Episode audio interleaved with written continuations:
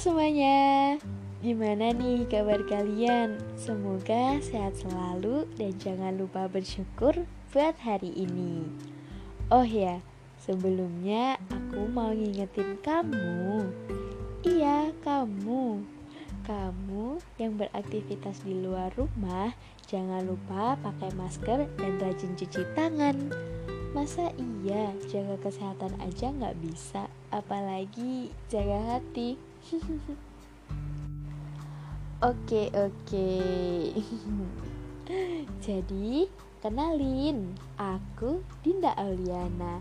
Kali ini aku bakal sharing atau ngobrol-ngobrol aja sih tentang kesuksesan nih.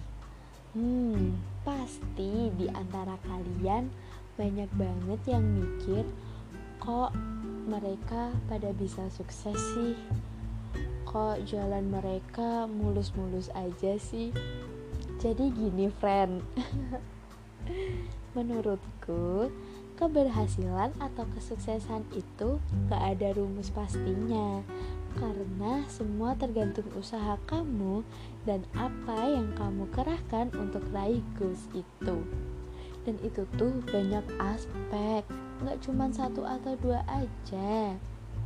Oh ya cara sukses di aku belum tentu sukses juga di kamu contohnya kayak gini nih pernah nggak kamu mengambil sebuah keputusan yang besar nah di tengah jalan muncul sebuah keraguan ini aku bener gak sih?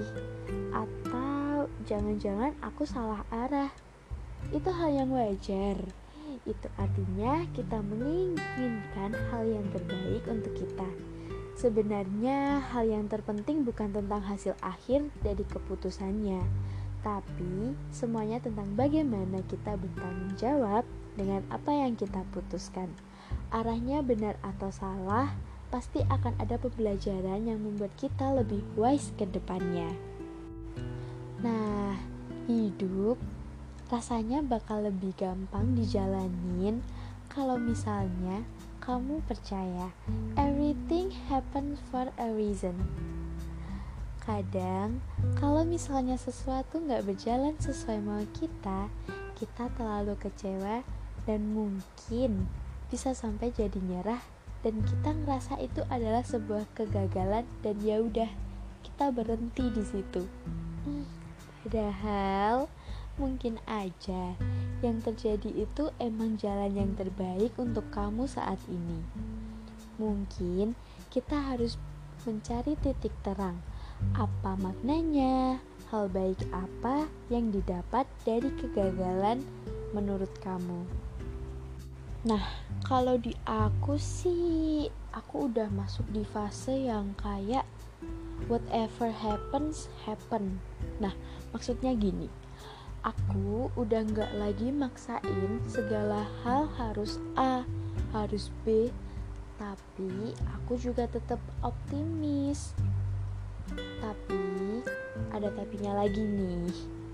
Apa pun hasilnya, aku bakal coba terima dan ya udah let go lebih ikhlas lebih bisa mengambil positif dari segala hal maksudnya tuh gimana tuh?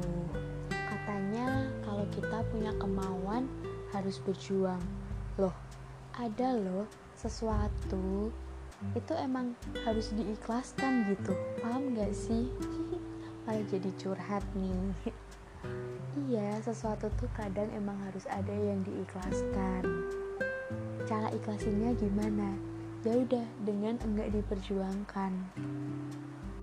Karena apa pun itu pasti ada makna di balik sebuah kegagalan. Bisa aja Allah itu emang udah nyiapin jalan terbaik kamu tapi dengan cara lain, dengan jalan lain. Gitu. Oh ya yang terakhir nih. Aku ada pesan khusus untuk teman-teman gue yang lagi kuliah nih kita bisa disebut angkatan corona ya kan? Banyak banget yang selalu bilang kayak gitu.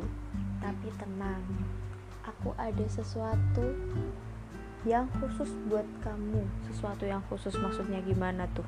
Tenang. Pesan khusus ini khusus buat teman-temanku yang sedang kuliah online jenuh ya belajar di tengah pandemi seperti ini. Tanpa bisa bertemu teman bahkan tanpa bisa belajar di kelas. Tanpa bisa mengenal teman sekelompokmu secara langsung. Gak apa-apa, aku juga merasakan hal yang sama. Menjadi mahasiswa tidak semudah yang kamu bayangkan Menjadi mahasiswa, kamu dituntut untuk memegang peranan penting di negeri ini. Menjadi mahasiswa juga menuntutmu untuk memahami segala persoalan pelik di dunia ini. Tapi tidak boleh lelah menjadi seorang mahasiswa. Kamu harus mampu menyelesaikan tugas dan kewajibanmu sebagai mahasiswa hingga nanti. Semangat ya menjalani perkuliahanmu. Semangat menggoreskan tinta pengalaman yang akan berguna untuk masa depanmu. Semangat menjalani tanggung jawabmu sebagai mahasiswa.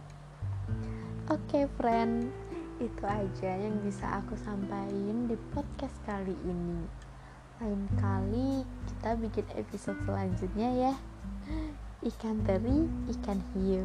Nice to meet you.